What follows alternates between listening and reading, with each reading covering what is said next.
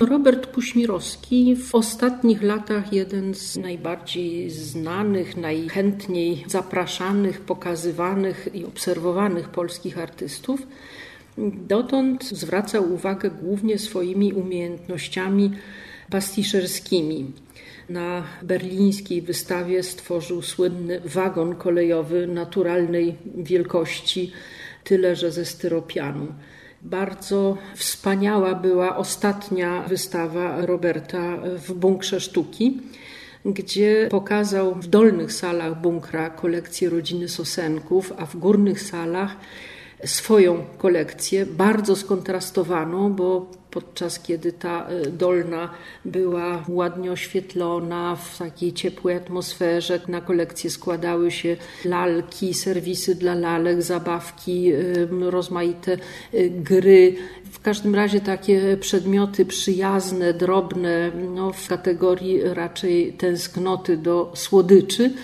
Tak na górze było e, zimno Przedmioty były nie w muzealnych gablotach, tylko oddzielone od widza drutem kolczastym i siatką i składały się na tą wystawę takie elementy jak na przykład lekarski gabinet przyjęć z lat 60., studio nagrań, no i właśnie różne takie techniczno-przemysłowo nieprzyjemne elementy. Także w sumie to tworzyło wrażenie jakiegoś takiego magazynu czy takiego obozu koncentracyjnego dla przedmiotów.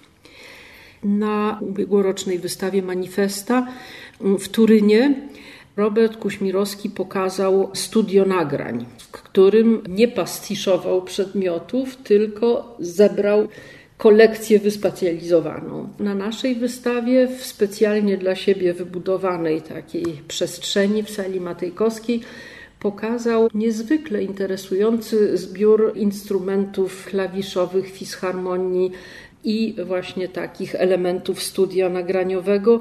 Wszystkie te instrumenty Robert potrafi uruchomić i z nich został nagrany taki miks, który jest słyszalny w tej jego przestrzeni. Zapowiedział, że teraz przez 7 lat będzie muzykiem. No i widać, że ma do tego bardzo duże przygotowanie, chyba uzdolnienia muzyczne. Także zobaczymy, jakie będzie to muzyczne wcielenie Roberta Kuśmirowskiego.